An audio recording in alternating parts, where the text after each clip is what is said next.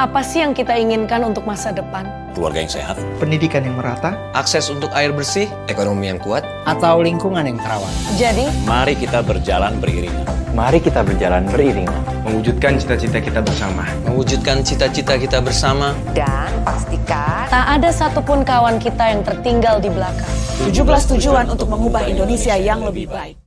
Di SDGs global maupun uh, Perpres 59 2017 uh, terdiri atas 17 goals di SDGs desa 18.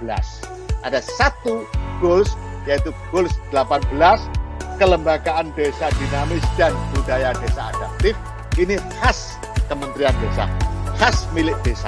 Kenapa? Khas SDGs desa. Kenapa?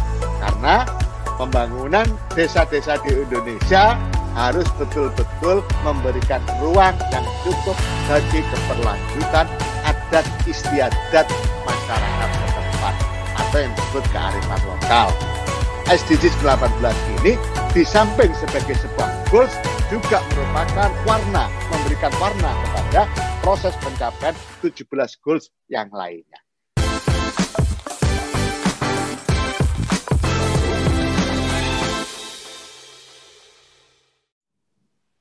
Selamat pagi kerabat desa yang berbahagia di seluruh Indonesia. Dan hari ini 15 Januari kita tambah bahagia.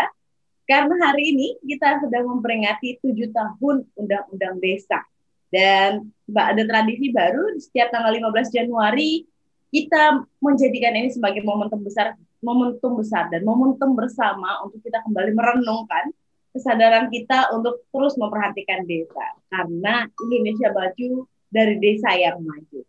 Dan hari ini spesial juga telah hadir bintang tamu utama kita, Prof. Yoyon Suryono. Selamat pagi, Prof. Selamat pagi. Assalamualaikum warahmatullahi wabarakatuh. Waalaikumsalam warahmatullahi wabarakatuh. Sehat dan semangat ya, Prof. ya, karena hari ini adalah hari yang uh, momentum besar, cukup besar, tanggal 15 Januari, 7 tahun Undang-Undang Desa. Prof. Yoyon, kalau kita flashback, Prof, 7 tahun yang lalu, terbayang nggak Prof kalau undang-undang desa akan membawa desa di Indonesia sampai pada posisi seperti sekarang ini? Kau putus ya tadi ya? Diulang Pak Mai. Baik, apakah dari tujuh tahun kalau kita flashback Prof, ini sudah tujuh tahun, apakah tujuh tahun yang lalu saat undang-undang ini ramai dibicarakan, Prof terbayang tujuh tahun kemudian desa akan menjadi seperti ini saat ini? Ya, baik. terima kasih Pak Umay, Bapak Ibu sekalian. Izinkan saya berubah peran nih ya. Peran Sujiwo Tejo menjadi peran... Yayan Agusta, Pak? Bukan ya, Pak? Tujuh tahun 2014-2021 itu sebetulnya kalau kembali ke belakang ya, itu terobosan yang sangat luar biasa 2014 itu karena sebetulnya mestinya uh, bisa terjadi sebelum 2014 perhatian kita terhadap desa itu. Ya. Uh, zamannya Pak SBY menghasilkan itu saya kira satu hal yang positif. Karena kan 2004 uh, kita merdeka 2000, 1945, uh, 2014 kan lama sekali itu desa. Padahal desa itu dari dulu ya memang sudah ada desa itu sudah ya, basicnya Indonesia itu ya desa. Tapi ya, melihat tonggak 2014 itu saya kira momen yang sangat luar biasa untuk kemajuan desa.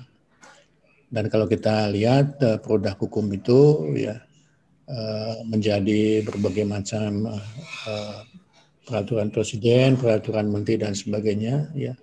Dan kita tahu yang salah satu yang di yang update dari sudut peraturannya itu kan undang-undangannya itu kan uh, nomor 14 2019 tentang dana desa itu.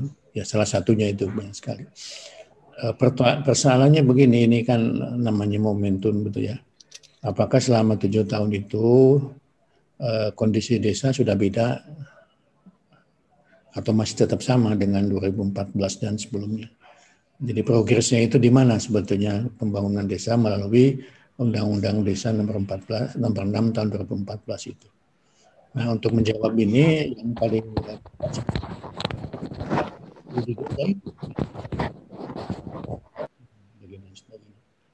jadi diketahui uh, uh, mereka merasakan sendiri di situ uh, kemajuan-kemajuan. Uh, tapi dengan Kementerian Desa sendiri saja sebagai implementasi dari undang-undang uh, desa itu banyak kegiatan atau prestasi yang sudah dicapai. Ya, karena yang namanya kesejahteraan dan kemiskinan itu kan tidak hanya memakan waktu tujuh tahun, 8 tahun, nggak bisa itu.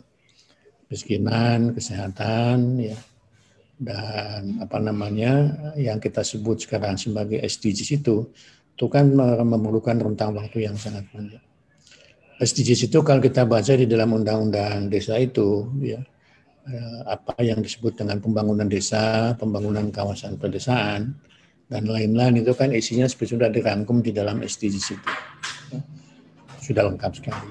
Nah, pertanyaannya uh, kalau kalau kalau minum obat atau minum jamu ya, manjur enggak itu undang-undang desa itu untuk tadi ya meningkatkan kesejahteraan, mengurangi kemiskinan, kelaparan dan sebagainya dan sebagainya. Itu kan persoalannya kemudian ke situ. Indikator-indikator yang dibuat oleh uh, Gus Ipan dan tim, termasuk Pak Menteri ya, buku satu, buku dua dan sebagainya itu itu alat-alat yang kita bisa gunakan untuk melihat ya, sejauh mana kemajuan dicapai oleh masyarakat desa. Ya. Saya sendiri berpendapat kalau ingin lihat kemajuan desa itu, ya dilihat langsung di desa. Informasi tentang desa itu kan dari eh, bapak-bapak perangkat desa, masyarakat desa dan sebagainya dan sebagainya itu. Ya, indikator itu kan upaya akademik ya, upaya akademik untuk Eh, kemudian bisa melihat kemajuan-kemajuan itu. Tetapi yang paling sangat uh, baik menurut saya ya lihat faktanya, lihat kejadian-kejadian, peristiwa-peristiwa yang ada di desa itu. Ya, apakah ada kemajuan kemajuan atau tidak. Kalau saya melihat sepintas, bukan sepintas ya berpintas-pintas sebetulnya. Uh, saya mengunjungi berapa ya enam desa, empat desa kemudian beberapa desa lah dalam penelitian-penelitian itu. Tidak bisa tidak harus mengatakan bahwa ada ada kemajuan di tingkat desa itu yang sangat signifikan. Ada kelihatan sekali. Gitu. Bahkan saya kadang-kadang berpikir bukan kadang-kadang ya saya beberapa hari yang lalu saya datang ke satu tempat dan melihat rumah bagus dan sebagainya eh, keluarganya itu setahu saya SMP aja nggak lulus rumahnya bagus, punya apa namanya usaha sendiri, punya sawah, punya itu dan sebagainya dan sebagainya. Saya refleksi ya pada diri saya sendiri. Bekerja 42 sampai 42 tahun, pendidikan tertinggi, macam-macam tertinggi kok dibanding dia eh, beda ekonominya, kemampuan rumahnya bagus dan sebagainya itu. Itu. Meskipun itu perbandingan yang tidak tepat juga. Yang saya maksud bahwa ternyata satu eh, asal tangannya itu gerak, tangannya itu gerak gitu ya uh, usaha apa pun di desa itu bisa jalan ya. ya saya melihat perusahaan jamur itu ya dia pengusaha bukan pengusaha petani jamur itu ya uh, uh, di sini di desa-desa itu itu sudah bisa mencukupi kebutuhan hidupnya. Kemudian uh, lele ya perikatan lele, lele di di apa itu namanya terpal ya. Kemudian apa itu tanaman-tanaman hias ya, ya atau apa pun lah yang ada di situ bisa jadi uang sebetulnya. Asal tangannya itu memang mau bergerak ya. tangannya bergerak itu kalau memang ada kemauan ada kemauan kemampuan itu nomor dua. Yang penting kemauan dulu ya. Setelah ada kemauan baru kemampuan. Gitu ya. Itu baru kemudian eh, pengetahuan dan sebagainya dan sebagainya gitu. Eh, tadi malam saya mengikuti bedah buku ya. Orang yang sangat apa namanya terkenal sekali di bidang perminyakan dia nulis buku 72 tahun dia kehidupannya. Ya asli Bojonegoro. Dia berangkat dari tidak punya apa-apa sekolah di Berkeley ya kemudian dia pengusaha ini itu dan sebagainya dan sebagainya. Inspiratif sekali untuk generasi muda. Di dalam bukunya itu hanya ada dua intinya itu. Satu kemauan ya kemauan. Dua kerja keras ya. Dan uh, jangan lupa doa. Doa. Nah kita ingin membangun kemauan di desa itu seperti kemarin disampaikan dalam diskusi kita ya itu kan bervariasi sekali soal kemauan itu Nah, soal kemauan itu ada kaitannya salah satunya dengan uh, ketergantungan. Ya. Dalam sejak dalam secara sosiologis, Mbak Umay tahu, saya kira kemajuan-kemajuan desa itu pertama dimulai dari desa-desa yang ada jalan kereta apinya. Tuh, karena akses mobilitasnya tinggi. Yang kemudian ada transportasinya. Tuh. Kalau di Jawa, Pak Arif, Pak Koco tahu saya kira mobilitas tinggi orang-orang dulu itu karena desanya itu nggak punya apa-apa, tandus, kering, dan sebagainya dan sebagainya. Sehingga kemudian mobilitasnya tinggi, ya ingin keluar dari eh, himpitan-himpitan yang terjadi pada saat itu, dan sebagainya dan sebagainya. Saya meneliti beberapa kasus satu di Jogja, ya itu yang namanya bubur kacang hijau. Ya, ini bukan bukan bukan bukan promosi ya itu uh, dari satu desa di satu kabupaten tertentu ya dan penghasilannya kembali ke desa itu luar biasa sekali. Warung Tegal lah kita tahu warung Tegal itu di Jakarta itu atau bakmi Gunung Kidul lah itu. Itu uangnya yang masuk ke desa itu banyak sekali. Apalagi kalau lebaran dan sebagainya. Jadi sebetulnya satu kemauan itu diekspresikan oleh tadi ya kemauan itu ekspresinya dia keluar dari himpitan-himpitan sosial, ekonomi dan sebagainya, menjadi tenaga-tenaga yang produktif. Gitu. Ya, kalau kita tidak sampai, belum sampai ke situ, itu satu persoalan yang sangat yang harus kita lalui. Ya. Jadi kalau melihat tujuan Undang-Undang 614 itu, ya, baik pembangunan desa maupun pemberdayaan desa, ya, bapak-bapak nanti yang ada di lapangan bisa menambahkan itu, ya, Eh, capaian-capaian yang apa namanya uh, kondisi real yang ada di di uh, masyarakat itu. Ya. Kemarin ada ada dibahas soal kesenjangan, kesenjangan, kesenjangan pembangunan desa. Kesenjangan pembangunan desa itu jangan lupa itu berasal dari kesenjangan pembangunan ekonomi juga secara nasional ya. Karena dampak pembangunan ekonomi nasional yang mengalami kesenjangan itu ya ujung-ujungnya terjadi di desa. Nah, oleh karena itu kalau kita melihat perjalanan pembangunan di Indonesia ya kita kan tertatih-tatih 45 sampai 50-an ya, atau 50-an. Karena masa-masa perjuangan ya pembangunannya di situ saya kira belum belum ya. Dan satu-satunya yang paling penting pada saat itu kan bebas dari buta huruf ya, untuk keluar dari kemiskinan dan sebagainya. Tapi pada saat itu Bapak Ibu tahu kan kondisi politik tidak memungkinkan keamanan dan sebagainya ya sampai dengan tahun tahun 60-an ya. Tahun 60 65 ekonomi kita luar biasa sekali. Nah, apresiasi barulah mulai kemudian orde baru agak lumayan itu. Bukan agak lumayan memang kelihatan sekali. Soal lepas soal yang lain-lainnya ya. Pemulangan ekonomi yang uh, tum, uh, pada uh, pertumbuhan ya saya kira itu memang terjadi begitu. Ya.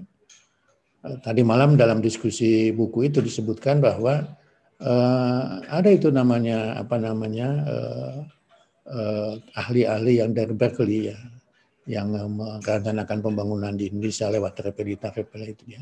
Ada mafia Berkeley pada waktu dikatakan begitu. Tapi pilihannya pada waktu itu kan pembangunan ekonomi, bukan pembangunan SDM. Ya. Jadi pilihannya mana dulu, ekonomi dulu apa SDM dulu? Di kota, di desa dan sebagainya. Kalau SDM dulu agak sulit karena nggak punya uangnya. Ya. Sedangkan ekonomi dulu baru kemudian. Tapi itu pilihan-pilihan yang yang yang yang namanya pilihan. Sehingga kemudian dikompar, dikomparasikan ya. Mana dulu ekonomi dulu apa uh, eh, SDM dulu. Uh, contoh yang paling bagus itu selalu dikatakan ya Korea Selatan, Jepang, ya, Cina dan sebagainya yang pembangunannya itu dimulai dari pembangunan SDM-nya. Korea Selatan dan Cina itu nggak punya sumber daya alam. Beda dengan Indonesia. Indonesia sumber daya alamnya melimpah-limpah. Ya. Sehingga terdinabubokan oleh uh, kekayaan alam itu, ya, dan uh, kemudian lupa menyiapkan SDM-nya. Gitu, SDM-nya. Beberapa tahun yang lalu saya diundang di DPRD salah satu provinsi di Kalimantan saya bilang Kalimantan itu kalau masih berbasis pada uh, kekayaan alam, suatu saat akan habis. Ya, dan ternyata memang begitu. Minyaknya sudah mulai menipis, hutannya menipis. Ya. sekarang eksploitasi nikel, batu bara dan sebagainya, dan sebagainya itu suatu saat akan habis. Ya. Kalau SDM-nya kemudian tidak. Di desa juga begitu. Ya. Saya ngeri sekali kalau datang ke suatu desa lihat gunungnya itu kemudian di apa di dikepras gitu ya. Tanahnya dikirim ke mana gitu, gunung hutan-hutannya juga begitu. Ya, jadi eh, kita masih berbasis. Kembali ke soal desa juga eh, dampaknya juga ke desa yang tadi nasional itu. Ya. Tuh, kalau kita bicara desa itu kan primnya kan satu paling tinggi itu kan pembangunan di kabupatennya. Ya. Kabupaten kota. Ada sinkronda itu pembangunan di situ dengan eh, kepentingan-kepentingan desa. Naik lagi ke provinsinya. Begitu apa enggak? Ya. Ada enggak eh, concern terhadap pembangunan desa? Sampai kepada di tingkat nasional. Tingkat nasional juga begitu Nah, Kementerian Desa ya sebagai salah satu kementerian yang didasarkan pada Undang-Undang eh, Nomor 6 2014 itu, ya saya kira sudah berkinerja sangat luar biasa itu. Ya, apalagi disediakan dana desa dan sebagainya dan sebagainya itu. Zaman dulu kan tidak ada sebelum 14 dana desa kan tidak sebesar yang sekarang. Nah, persoalan-persoalan itu yang kemudian didiskusikan pagi ini ya. Ya, dalam rangka memperingati itu. Ya efektif enggak undang-undang itu? Manjur enggak undang-undang itu? Ada enggak dampaknya undang-undang itu?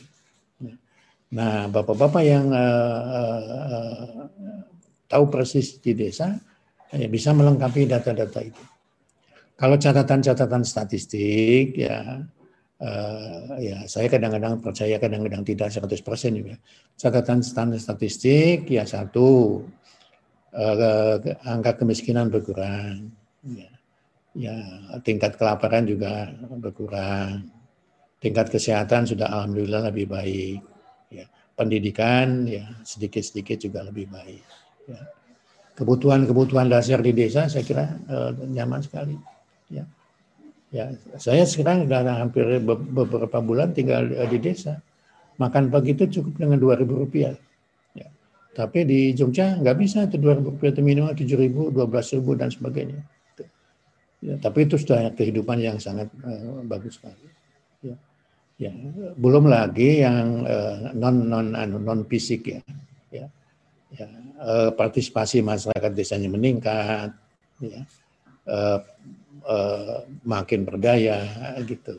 Ya, makin peduli terhadap uh, sesama, terhadap lingkungan. Ya, ya. Uh, meskipun sebetulnya uh, desa itu juga jangan sampai hilang ke desanya ya dengan proses-proses pembangunan yang sekarang itu jangan menghilangkan kearifan desa ya dan lain-lain dan lain-lain itu gitu. Pendek kata Bapak Ibu sekalian ya. Kalau saya bertanya apakah undang-undang itu undang-undang itu efektif atau tidak ya, eh, jawabannya sudah mulai kelihatan berhasil ya. Cuman tidak mungkin kita mengatakan sudah 100 persen. Ini tidak mungkin, impossible.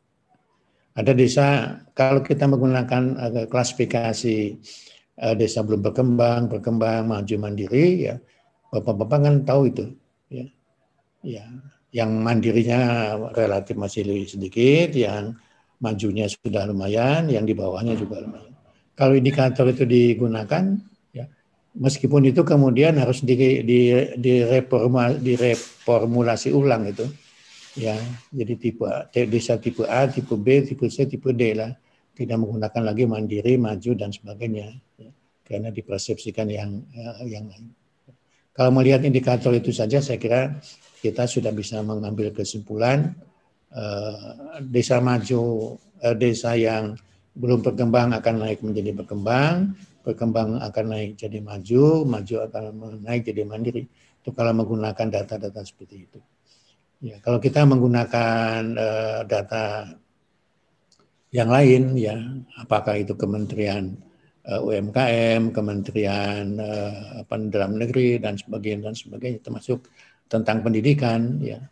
Uh, tadi saya katakan satu kesimpulan, ya progresnya kelihatan bagus. Tidak ada pertanyaan apakah dari tujuh tahun yang lalu sampai saat ini undang-undang desa itu menghasilkan sesuatu atau menunjukkan progres ya Prof di desa. Oh iya, iya harus diakui ada progresnya. Soal kemudian tingkat keterperacayaannya seberapa tinggi itu soal lain. Ya. Karena ada desa yang memang cepat sekali, ya. Ya ada desa yang memang tadi masih di bawah. Salah satu indikator lain kan bisa dilihat misalnya tentang kekayaan aset desanya, ya. aset desanya, tentang pembangunan pembangunan fisik, tentang kesejahteraan, kesejahteraan dan sebagainya dan sebagainya. Memang ada juga eh, negatifnya, ya. ada itu selalu ada, membar itu ada. Ya.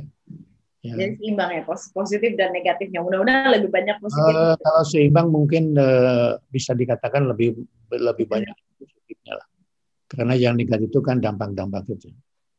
Baik, ya. Prof ya, kita telah kehadiran beberapa sahabat atau kerabat desa kita dari beberapa desa di seluruh Indonesia. Kita coba sapa terlebih dahulu, Prof. Kita ada Bapak Selamat Mubarok, ada Pak Sugeng, ada Pak Pardi dari Desa Geni Langit, juga ada Pak Munir dari Demak, ada Pak Arif Desa dari Guru Desa, juga ada Pak Sio Koco. Saya coba ke Pak Arif Desa. Pak Arif Desa, kita bicara tentang uh, Undang-Undang Desa dan refleksinya tujuh tahun. Tujuh tahun Undang-Undang Desa ini dari berangkat dari sebelum uh, tidak ada undang-undang hingga ada undang-undang. Apa bentuk perubahan? Kalau tadi saya bicara berubah atau tidak, Prof. Yon bicara berbeda, uh, Prof. menceritakan bahwa ada perubahan di desa. Lalu ke Pak Arif Desa saya tanya, apakah bentuk perubahan yang nyata Pak dari adanya undang-undang desa? Pak Arif? Mungkin di unmute terlebih dahulu Pak. Ya. Baik. Selamat pagi, Sirabat Desa. Pagi. Uh, selamat memperingati tujuh tahun pelaksanaan Undang-Undang Desa. Mbak Ume itu pertanyaannya mengerikan. Apa bedanya, apa rasanya dan sebagainya. Apa ya, yang saya ya, yang saya rasakan bahwa tahun 2012 itu semua kepala desa uh, berhimpun secara menyeluruh se-Indonesia ingin mendukung dan memperjuangkan undang-undang desa.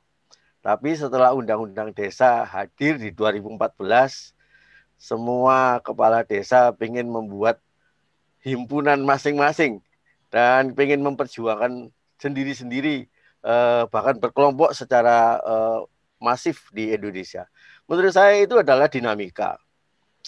Jadi se sebaiknya eh, batu-batu penjuru yang sudah kita letakkan sejak awal di tahun 2012 sehingga muncul Undang-Undang Desa eh, jangan dilupakan.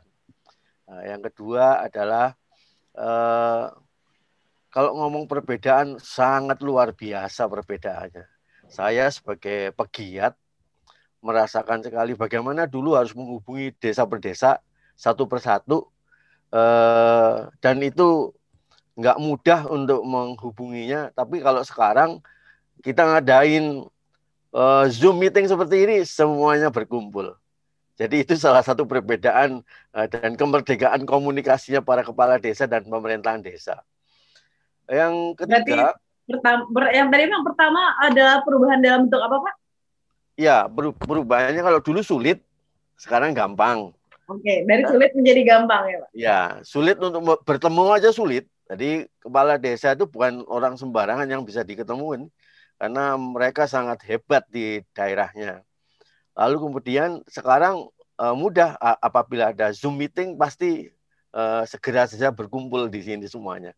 Itu kemerdekaan komunikasi yang sangat dahsyat. Itu salah satu perbedaan. Yang ketiga itu adalah uh, tidak sekedar berkomunikasi, tapi isi komunikasinya. Para kepala desa, para pemerintahan desa, bahkan sekarang ada namanya uh, perhimpunan uh, perangkat desa Indonesia. Ya, dahsyat sekali. Ya, cuman uh, saya ingin mengingatkan, janganlah hal-hal seperti ini, eh, himpunan-himpunan uh, seperti ini akan memperlemah desa. Jadi uh, desa bisa dimasukin dari segala penjuru karena perpecahannya. Bukan seperti itu saya yogianya karena persamaan-persamaan berpikir, perbedaan-perbedaan ini menyebabkan harus lebih kuat lagi desa. Eh, sebagai contoh, sebagai contoh bahwa saya dalam praktek bergiat kepada desa eh, saya sekarang bisa masuk dari siapa pun, dari BPD, dari LKMD, LPM, dari eh, kepala desa sendiri, bahkan dari perangkat desa. Eh, ini menandakan bahwa begitu luasnya, begitu eh, eh, mudahnya eh, komunikasi ini berlangsung. Eh, tetapi kembali lagi bahwa jangan sampai ini dimanfaatkan oleh para pihak yang eh, apa ya merugikan. Eh, ke kerinduan saya hari ini itu adalah tiga pihak ini bisa bersatu padu memikirkan bersama-sama. Saya katakan tiga pihak. Satu adalah pihak desa. Pihak desa itu adalah uh, karena punya undang-undang sendiri jadi otonom. Uh, anulah kuatnya. Yang kedua adalah Kementerian Dalam Negeri dan Kementerian Desa ini yang ngurusin desa kok malah nggak apa ya nggak ada yang hadir di sini atau nggak menganggap bahwa eh, kemerdekaannya orang desa ini harus diberikan penghargaan juga gitu. Eh, saya pikir tiga pihak ini harus segera berunding, harus segera berbicara, konsolidasi kembali, lalu mengatur kekuatan bahwa sadar bahwa 74 ribu itu kekuatan hebat, tetapi tidak melakukan apa-apa, belum melakukan apa-apa. Artinya setelah tujuh tahun ini apakah kita mau menunggu 8 tahun, 9 tahun, 10 tahun, atau 20 tahun kita baru bisa akur eh, kembali seperti tahun 2012 kita bercita-cita bercerita tentang seyogianya desa memiliki undang-undang desa. Barangkali itu sementara Mbak Umay, mudah-mudahan menyemangati, memberikan motivasi pada teman-teman semuanya. Baik. Terima kasih Pak Arif Desa. Nah kita bicara Undang-Undang Desa 7 tahun dan beberapa tahun terakhir kita baru mengenal kembali dengan uh, istilah SDGs Desa. Maka kita sebut sehari ini adalah acara kita sarapan SDGs Desa. Kita, uh, kemudian bagaimana refleksi dari tujuh tahun Undang-Undang Desa, kemudian ada lahir SDGs Desa di beberapa tahun terakhir. Kita panggil Pak Amiruddin dari SDGs Center Undip. Pak Amiruddin, selamat pagi. Assalamualaikum Pak Amir.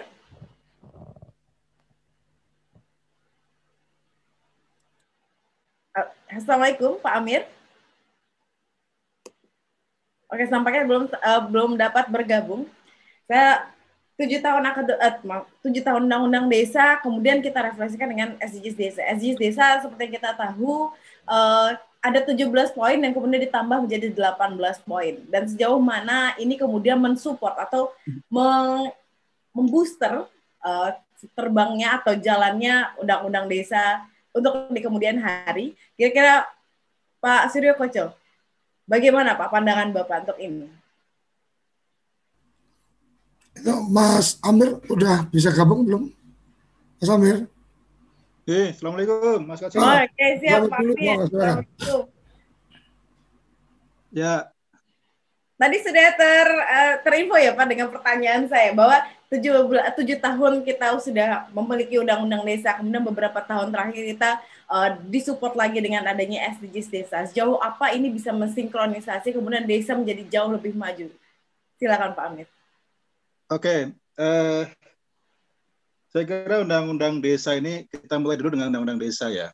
Undang-undang desa itu kan uh, memberi peluang atau merubah ya tatanan uh, pemerintahan di desa itu kalau sebelumnya ya desa itu menjadi objek pembangunan gitu kan.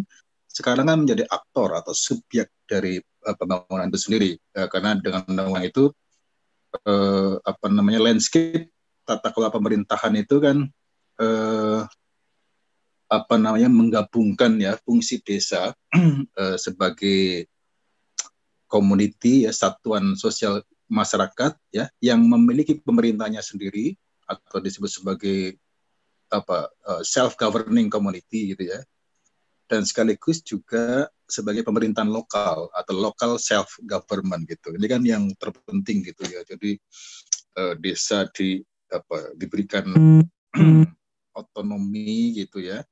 Uh, apa kemampuan untuk mengintegrasikan uh, desa sebagai satuan masyarakat. Kalau satuan masyarakat kan berarti ada aspek kebudayaannya yang uh, atau local culture yang mereka eksis itu ya tetap dihargai, tetapi sekaligus diberikan uh, kelulusan untuk melakukan uh, pemerintahan lokal sendiri ya, local self government itu itu kan yang fundamental gitu.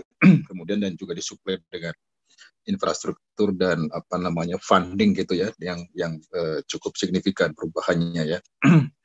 nah, oke, okay, itu yang terpenting. Jadi dengan uh, perubahan struktural semacam ini sebenarnya desa dan masyarakatnya berpotensi sekali untuk makin maju, makin berkembang ya. Menurut saya perkembangan selanjutnya ini kan kalau kita lihat kita potret ya banyak sekali desa-desa yang mengalami kemajuan gitu ya mengalami kemajuan dengan adanya perubahan undang-undang desa itu.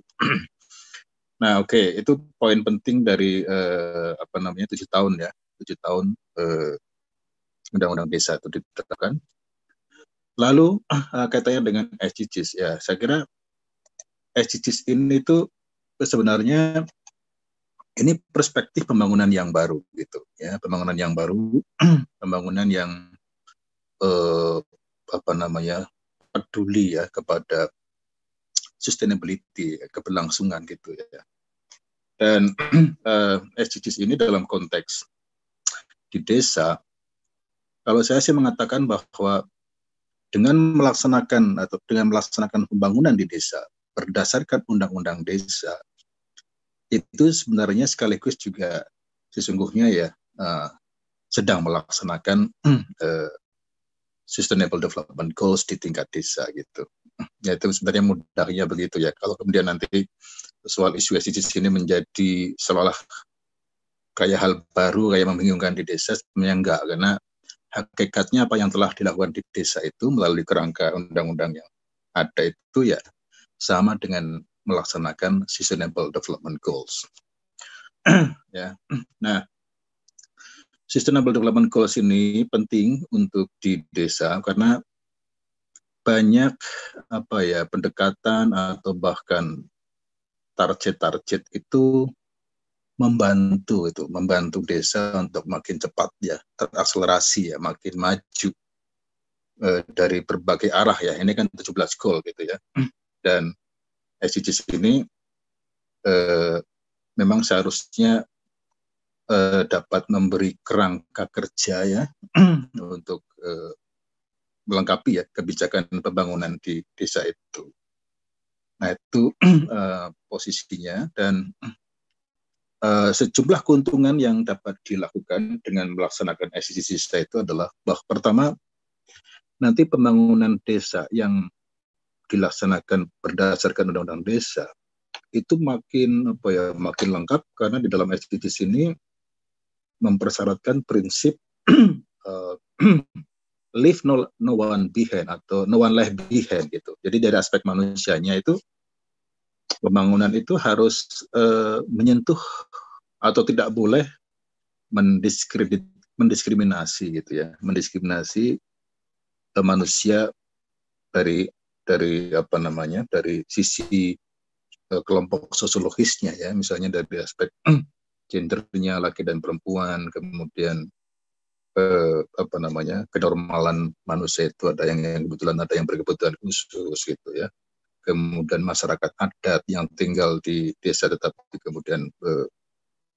uh, belum beruntung misalnya gitu lalu yang berikutnya uh, keuntungannya adalah di dalam membangun nanti ada uh, tidak ada lagi leave no place behind. Jadi selain no one left behind juga ada no place uh, no tempat ya yang tertinggal gitu. Jadi di desa itu kan juga saya kira ada kampung-kampung ya, uh, kemudian juga uh, ada pembagi ada kewilayahan yang berbeda karakteristik geografisnya ya. Misalnya kalau di daerah pegunungan itu saya di uh, Wonosobo ya, di desa Igilmanak itu kan eh, lokasi desanya kan begitu terbatasi oleh lingkungan geografis gitu. Pusat kotanya me, apa, di satu rumpun, terus wilayahnya luas sekali. nah itu kan nggak boleh tertinggal itu ya. Artinya tidak boleh ada disparitas atau inequality ya dalam proses uh, pembangunannya itu. Nah, maka biasanya di desa ini sudah ada yang mengembangkan yang live uh, no no no live uh, no uh, no place left behind itu dengan membuat pembangunan berdasarkan kewilayahan itu. Dia bikin apa namanya itu uh, region ya kawasan-kawasan. Ya kawasannya juga disesuaikan dengan uh, apa namanya budaya lokal sehingga ada ada yang menata kawasannya dengan kawasan misalnya yang pertama itu uh, apa kahuripan misalnya ya pembagian zona wilayah pembangunan di desa itu bisa dilakukan. Kayak di, kabupaten juga ada, di provinsi ada. Zona kawiwitan misalnya di kawasan depan gitu ya. Ketika tamu mulai pada masuk berdatangan, nah itu zona kawitan. Ada lagi setelah itu nanti ada zona sekeco misalnya kawasan pemusatan untuk uh, manajemen yang uh, terkait dengan kehidupan ya sehari-hari.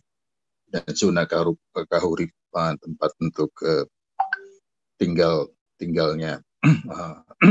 Warga penduduk kemudian ada zona kemuliaan misalnya gitu. Itu itu variasi-variasi bagaimana desa-desa itu secara lokalistik gitu ya mengadaptasikan atau mengembangkan melaksanakan SDGs itu dalam konteks prinsip tidak ada tempat yang boleh tertinggal lagi untuk ditangani gitu.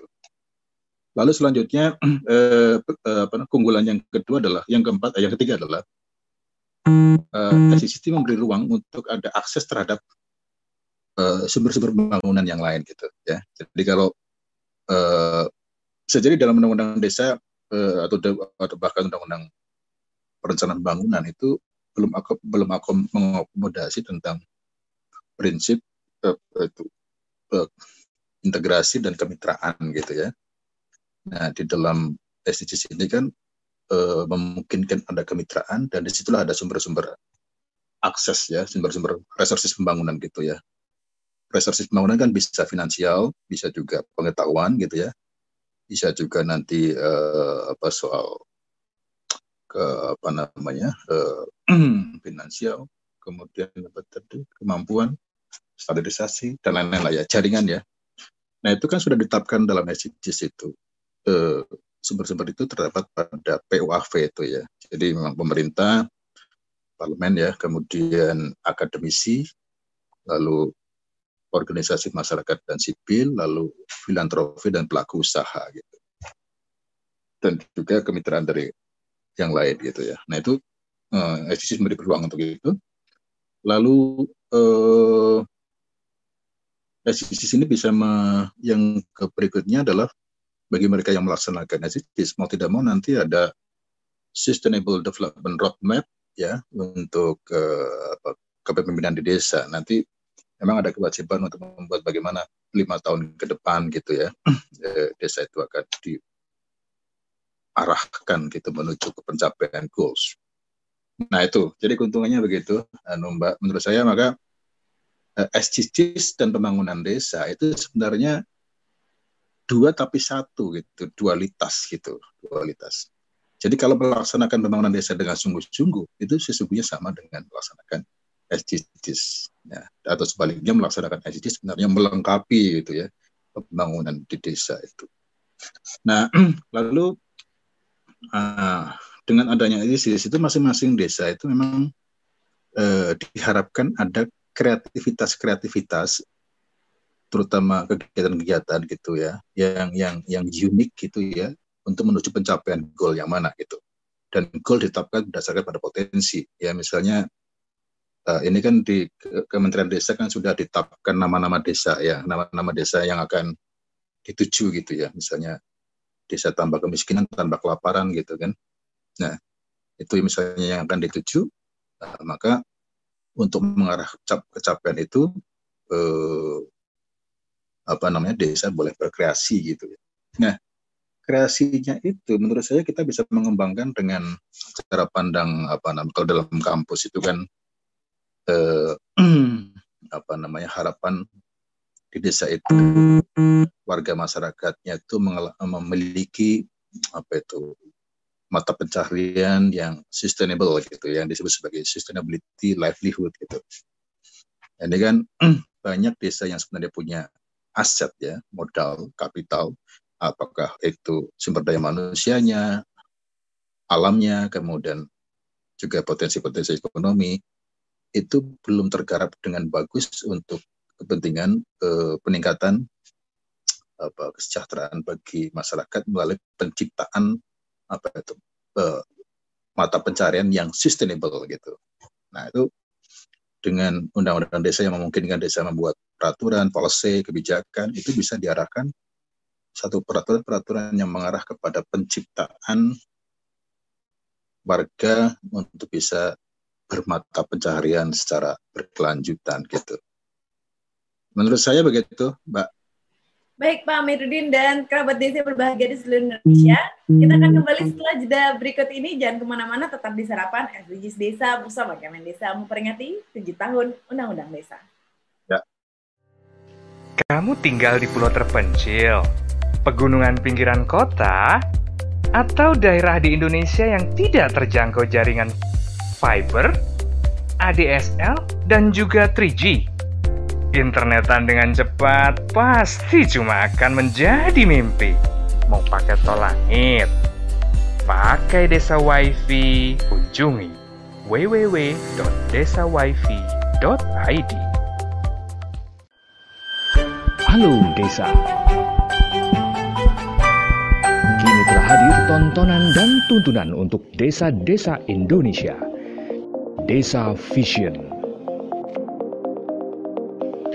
Desa Vision memberikan pilihan tayangan edukasi dan inspirasi untuk desa, untuk warga desa, untuk penggiat usaha dan pemberdayaan desa. Desa Vision dikembangkan oleh TV Desa yang telah mendedikasikan diri mengembangkan program siaran desa dan perdesaan sejak tahun 2014. Dengan Desa Vision, kerabat desa dapat menyaksikan tayangan pilihan tanpa bayar iuran bulanan selamanya. Desa Vision persembahan TV Desa bersama SMV Prisat TV.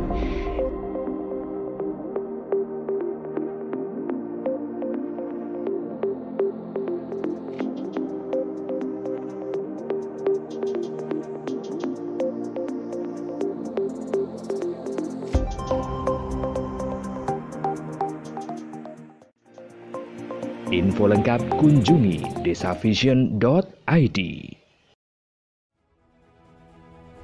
SSFF 2020 by TV Desa dan Rumah Film Avandi.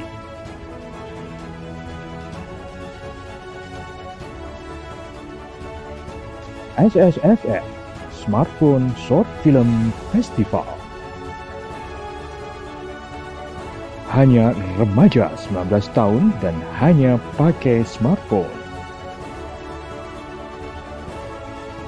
diikuti oleh 344 peserta dari 22 provinsi.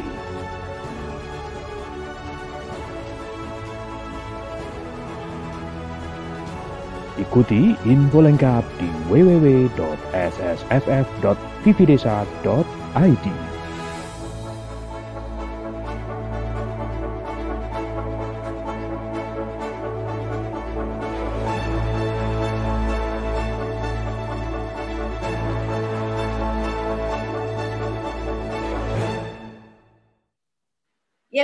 lagi di Sarapan SDGs Desa bersama Kemen Desa dan hari ini kita memperingati tujuh tahun Undang-Undang Desa. Saya ke Bu Agnes dari SDG Center ITS. Bu Agnes, seperti yang kita ketahui, mungkin kerabat desa, baik yang hadir di Zoom maupun di YouTube juga dapat uh, memperhatikan bahwa bila kita bicara tentang desa, kita berdiskusi tentang desa di media apa pun, itu tetap muka, melalui Zoom, ataupun uh, media lainnya, sering kali kehadiran perempuan lebih sedikit dibanding laki-laki. Mungkin bukan hanya saya menyadari, dan apakah ini kemudian ada kaitannya dengan Undang-Undang Desa dan SDGs Desa? SDGs Desa nomor 5 menyebutkan bahwa kita harus meningkatkan keterlibatan perempuan di desa dengan mengharus utamakan gender. Bahwa keterlibatan perempuan harus ditingkatkan sehingga terjadi pengaruh utama gender dan tidak membedakan. Bu Agnes, selamat pagi Bu Agnes, Assalamualaikum. Maaf Bu, Ibu masih termute. Oke, sudah. Terima kasih. Ya Bu Agnes, bukan saya saja ya Bu yang memperhatikan bahwa setiap kita bicara atau diskusi tentang uh, desa sering kali kehadiran atau ke terhadiran perempuan itu cukup sedikit dibanding laki-laki. Apakah ini bagaimana Bu Ibu? Tujuh tahun undang-undang desa apakah ini ada perubahan atau bagaimana Bu? Uh, ini pertanyaan menurut saya pertanyaan yang sangat menarik ya, terutama bagi perempuan ya, bagi kita yang perempuan. Kenapa sih perempuan itu uh, jadi kalau zaman dulu namanya konco wingking gitu ya jadi tempatnya di belakang gitu, ya. Nah, tapi sebetulnya kalau diakui atau tidak, sebetulnya konco wingking itu punya kekuatan yang luar biasa ya, karena e, secara apa teman saya bilang secara biologis itu ternyata memang perempuan tuh memang ditakdirkan untuk harus kuat gitu, ya. Setelah e, apa pengalaman secara biologisnya tuh kan hamil, menstruasi itu kan sesuatu yang menempa perempuan itu menjadi kuat. Jadi eh, kekuatan perempuan di negara-negara maju itu eh, saya pernah belajar tentang itu bahwa kalau eh, perempuannya itu bisa berkiprah di pemerintahan atau di apa di aktivitas bisnis terutama itu sebanyak 60% maka negara itu maju. Jadi mengapa di SDG itu juga ada salah satu tujuan yang uh, mengenai gender gitu ya untuk menempatkan perempuan menjadi uh, apa punya posisi yang bagus gitu ya di di dalam segala hal.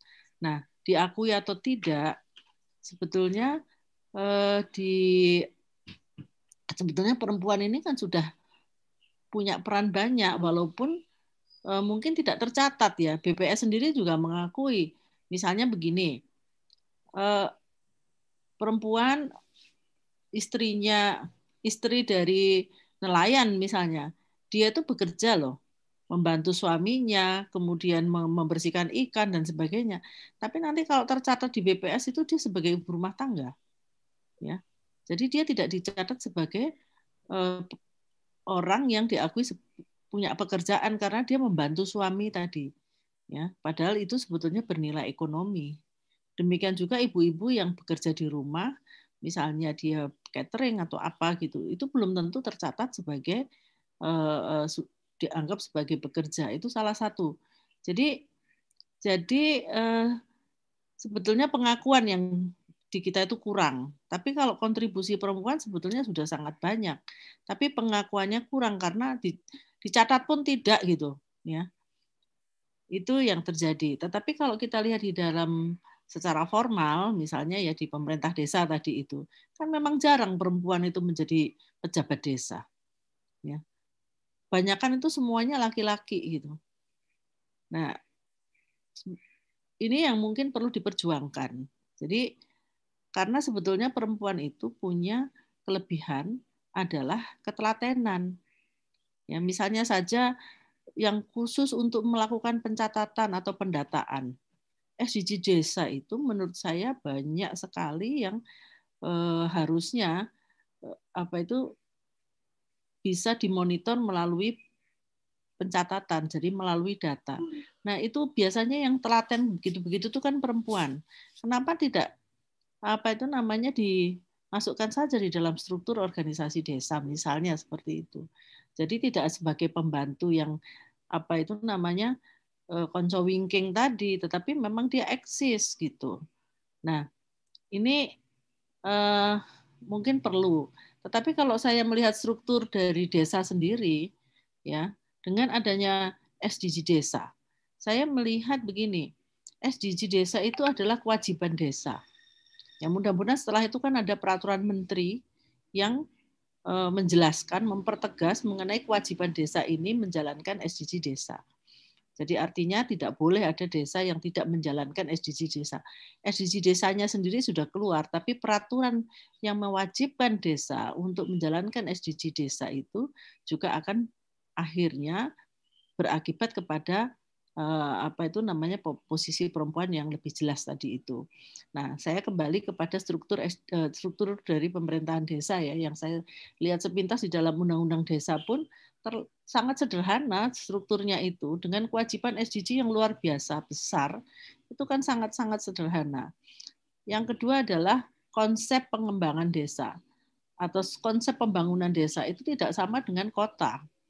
Kalau kota ada wali kota, kemudian dia punya struktur apa itu organisasi yang jelas gitu ya. Sedangkan desa ini kan konsepnya pemberdayaan. Konsepnya itu pemberdayaan gotong royong yang gitu-gitu. Itu kelemahannya kalau menurut saya ya kalau gotong royong dan pemberdayaan itu kelemahannya kan memang tidak terstruktur. Sementara tugasnya besar gitu. Ya sementara tugasnya besar. Nah ini mungkin perlu diperjelas. Ya ini di luar yang soal gender tadi ya mbak ya karena saya juga merasa loh SDG ini tugasnya luar biasa besar tapi kemudian Eh, setelah saya lihat sepintas di undang-undangnya itu kan memang undang-undang keluar duluan ya memangnya ya. Tetapi mungkin kurang support gitu. Nah, mungkin ini perlu dipikirkan apakah di dalam peraturan presiden atau di dalam peraturan eh, permen peraturan menteri misalnya akan diperjelas atau diperbesarlah eh, apa itu kemampuan desa untuk bisa mem, bisa menjalankan SDG desa tadi itu. Ini saya usulannya perlu dicermati lagi saya kira ya. Karena kalau tidak ini nanti SDG desa ya tinggal tinggal jadi SDG apa tinggal uh, apa itu namanya tidak tidak ada yang berkemampuan untuk menjalankan itu gitu. Nah, saya sisipkan ini Pak Pak Koco usulan usulan untuk memperjelas apa itu namanya Eh, implementasi dari SDG desa mungkin tidak dalam undang-undang tetapi di dalam peraturan presiden atau di dalam peraturan menteri untuk bisa memperkuat eh, kemampuan desa untuk menjalankan SDG desa karena itu berat. Jadi kewenangan yang dibuat di dalam undang-undang itu mungkin perlu dicermati lagi apakah setara dengan tugasnya. Itu ya. Nah, kembali kepada perempuan tadi. Nah, kalau misalnya mau di buatkan strukturnya lebih jelas barangkali atau di, bukan struktur lah ya dibuatkan kontribusi kontribusi lebih jelas dari perempuan di desa mungkin memang perlu dibantu bagaimana me, anunya merancangnya gitu ya karena tidak bisa ayo kita gotong royong gitu nggak terukur itu kalau yang seperti itu nggak akan terukur tetapi kalau misalnya memang Eh, dibutuhkan ada tim ad hoc di dalam desa untuk menjalankan A, B, C, D, itu menjadi terukur, menjadi lebih jelas. Saya kira kalau dikembalikan kepada undang-undang desa, itu karena penataan desa itu di bawahnya pemerintah daerah, ya ada salah satu pasal yang menyebutkan begitu ya penataan desa itu di bawah pemerintah daerah berarti sekarang pemerintah daerah yang diajari untuk bisa menata desa itu dengan melibatkan perempuan lebih banyak gitu saya kira itu menjadi sangat penting supaya eh, keterlibatan perempuan itu jelas dan terukur. Nah ini eh, banyak sekali potensi-potensi desa yang ingin dipotret kemarin yang kita pelajari ya, yang ingin dipotret itu banyak sekali. Tetapi siapa yang akan mengerjakan nantinya? Kalau kita tidak menata eh, apa organisasi di dalam desa itu sendiri secara lebih baik gitu. Sehingga nanti ada siapa berkewajiban apanya itu jelas. Ini semuanya kan kewajibannya Pak Kepala Desa. Nah, Kepala Desa ini dibantu oleh siapa? Kalau wali kota enak ada kepala dinas gitu ya. Banyak kepala dinas jenisnya. Sedangkan desa itu kan tidak ada kepala dinasnya di level desa maksud saya. Ya, itu kan keroyokan gitu akhirnya anu apa tugas-tugasnya karena tergabung dalam struktur yang eh, apa itu namanya terlalu kecil ya. Saya kira seperti itu. Nah, nanti dalam hal di di situ kalau saya usul ya ada unsur gendernya gitu. Ada aturan-aturan soal gender. Saya kalau rapat dengan katakan dengan NGO asing gitu itu kan selalu di absen laki-laki atau perempuan. Pertama kan saya nanya ada apa sih ditanya laki-laki apa perempuan di absen loh ini, ya iya. kan? ternyata memang untuk dihitung bagaimana kontribusi perempuan di eh, rapat itu gitu ya. Nah ini kalau dalam skala lebih besar kan harus dihitung lebih besar lagi gitu. Jadi ibu-ibu PKK segala macam itu itu bukan eh, apa itu namanya harus jelas gitu. Sekarang kan ibu PKK ya dia suka-suka dia mau apa, ya kan? Tapi bagaimana ibu PKK itu berkontribusi desa kan nggak ditanya, ya kan? Kan dia dia arisan arisan sendiri, punya usaha usaha sendiri, tetapi bagaimana kontribusinya kepada desa nggak ditanya gitu. Saya rasa itu penting sekali untuk bisa lebih diposisikan lebih jelas lagi.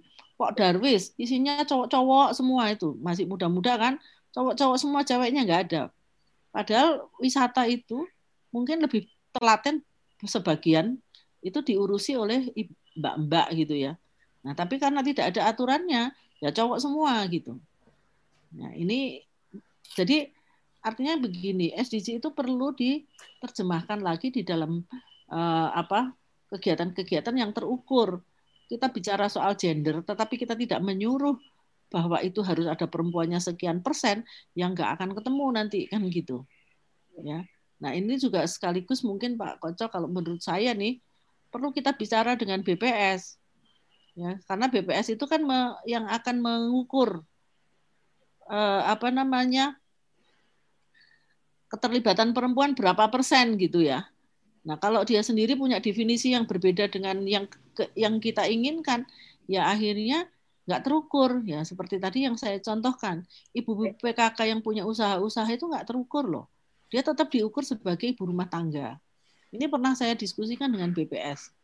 Ya. Baik, Bu Agnes, berarti kalau bisa saya dapat tarik kesimpulan bahwa perempuan peran perempuan di desa bagaimana? Ternyata kita benar-benar berperan uh, penting di desa, namun tidak terukur dan uh, hal ini menjadi kita seakan-akan tidak ada perannya, tidak dihitung ya, Bu ya. Saya ke Pak Suryo Koco, Bu, sebagai penutup. Pak Suryo Koco penutup, uh, spesial edisi hari ini undang 7 tahun Undang-Undang Desa. Tadi kita bicara tentang perempuan, kita bicara juga tentang sudah seberapa jauh kemajuan desa dari sejak ada Undang-Undang Desa. Lalu sudah kita juga bicara tentang apa saja bentuk perubahan dari di desa yang terjadi setelah ada Undang-Undang Desa dan bagaimana Undang-Undang Desa kemudian terkait dengan SDGs Desa. Pak Suryo Kocel. Terima kasih. Tujuh tahun Undang-Undang tujuh tahun undang-undang desa, menurut saya memang masih ada bagian-bagian yang kemudian ini belum tersosialisasikan dengan tepat atau belum teraplikasikan sepenuhnya atas semangat undang-undang desa itu. Itu satu. Yang kedua, uh, ini ini terlihat dari mana? Dari apa yang kita temukan hari ini, apa pagi ini, taruh kata seperti Mas Arief tadi menyampaikan, satu proses perjalanan undang-undang desa itu dari 2012. Sebenarnya enggak, undang-undang desa itu berproses itu mulai dari 2006 dan saya ada dokumentasinya. Artinya artinya ada perjalanan panjang yang kemudian oh kita apa eh, kita harus memperjuangkan itu. Kemudian tentang gender memang di Undang-Undang Desa sudah ada uh, memperhatikan gender, cuma masih spesifik tentang Badan Permusyawaratan Desa. Artinya uh, ada kewajiban untuk kemudian keberadaan perempuan dalam permusyawaratan desa. Ini ini ada di undang-undang. Dan yang menarik adalah seperti yang Ume tadi sampaikan, ini tradisi baru. Kita memperingati uh, tanggal lahir Undang-Undang Desa 15 Januari 2004 uh, ditandatangani. Walaupun peng, apa dinyatakan sah oleh DPR itu jauh sebelumnya, tapi ini menjadi tradisi baru yang kemudian ayo bersama-sama kita apa cermati. Dan satu lagi eh, undang-undang desa itu dengan adanya uh, omnibus law kemarin itu ada bagian yang kemudian uh, secara tidak langsung sudah dilakukan revisi atau perubahan dan perjalanan tujuh tahun sebuah undang-undang, saya pikir uh, memungkinkan juga untuk kemudian kita melakukan apa evaluasi atau melakukan revisi atas undang-undang itu. Dan uh, spesial uh, SDGs di hari ini, menurut saya kita mendapatkan banyak pencerahan tadi dari uh, Bu Agnes, Mas uh, Amir dan juga utamanya Prof. Yoyon tadi. Dan sebagai apa penutup saya perlu sampaikan seperti biasanya SDGs desa selesai acara live kita ada apa uh, masih berjalan di Zoom meeting tapi untuk kali ini sepertinya uh, tidak Kenapa? Karena nanti uh, eh, TV Desa akan ada live jam 8 sampai jam 11 itu live interaktif Zoom apa Zoom meetingnya apa uh, memang terbatas. Kita share uh, bisa menghubungi apa teman-teman dari TV Desa. Nanti kita share nanti di apa di grup juga uh, boleh saya boleh saya share untuk apa untuk untuk akses Zoom meetingnya dari jam 8 sampai jam 11 kita akan uh, bicara tentang tujuh tahun Undang-Undang Desa bincang bareng pegiat dan penggiat. Jadi kita bedakan antara pegiat dan penggiat. Pegiat itu pelakunya, penggiat itu yang memotivasi. Dan alhamdulillah sudah uh, confirm bersedia hadir itu uh, hampir separuh dari penyusun undang-undang desa. Jadi anggota pansus uh, RU desa uh, sepakat untuk hadir. Kita akan dengar pada saat ibarat kata gini, ini agak melewat dikit, ibarat kata bayi lahir, bidan itu hanya membantu melahirkan, tetapi yang paham keinginan pengen melahirkan anak seperti apa pasti bapak ya, dan ibunya. Nah, ya. Nah, ini makanya nanti uh, jangan lupa teman-teman bisa bergabung. Kita akan dengarkan sebenarnya uh, para penyusun undang-undang desa itu harapannya seperti apa dan kita bisa diskusikan beberapa tokoh juga uh, siap menyatakan siap hadir dari organisasi-organisasi profesi perangkat desa. Saya pikir itu Umay yang bisa saya sampaikan sampai jumpa nanti uh, di pukul 8 sampai pukul 11 3 jam full kita akan bicara tentang undang-undang uh, desa. Silakan. Ya, Bapak Ibu, kerabat desa yang berbahagia di seluruh Indonesia dan hari ini selamat 7 tahun Undang-Undang Desa. Sarapan SDGs Desa bersama Kemen Desa akan kembali setiap Senin hingga Jumat pukul 6 hingga pukul 7 waktu Indonesia Barat selalu di TV Desa. Sampai jumpa, saya Humaira Muswar dan kru dari TV Desa kami ucapkan kami undur diri terlebih dahulu. Kita akan kembali di pukul 8 hingga pukul 11 untuk memperingati 7 tahun Undang-Undang Desa. Assalamualaikum warahmatullahi wabarakatuh. Apa sih yang kita inginkan untuk masa depan? Keluarga yang sehat, pendidikan yang merata, akses untuk air bersih, ekonomi yang kuat, atau lingkungan yang terawat. Jadi, mari kita berjalan beriringan.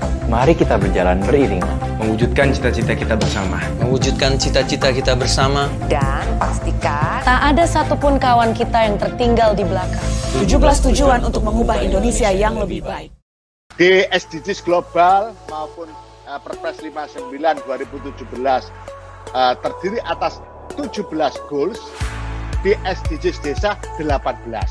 Ada satu goals yaitu goals 18 kelembagaan desa dinamis dan budaya desa adaptif ini khas Kementerian Desa, khas milik desa. Kenapa? Khas SDGs desa. Kenapa?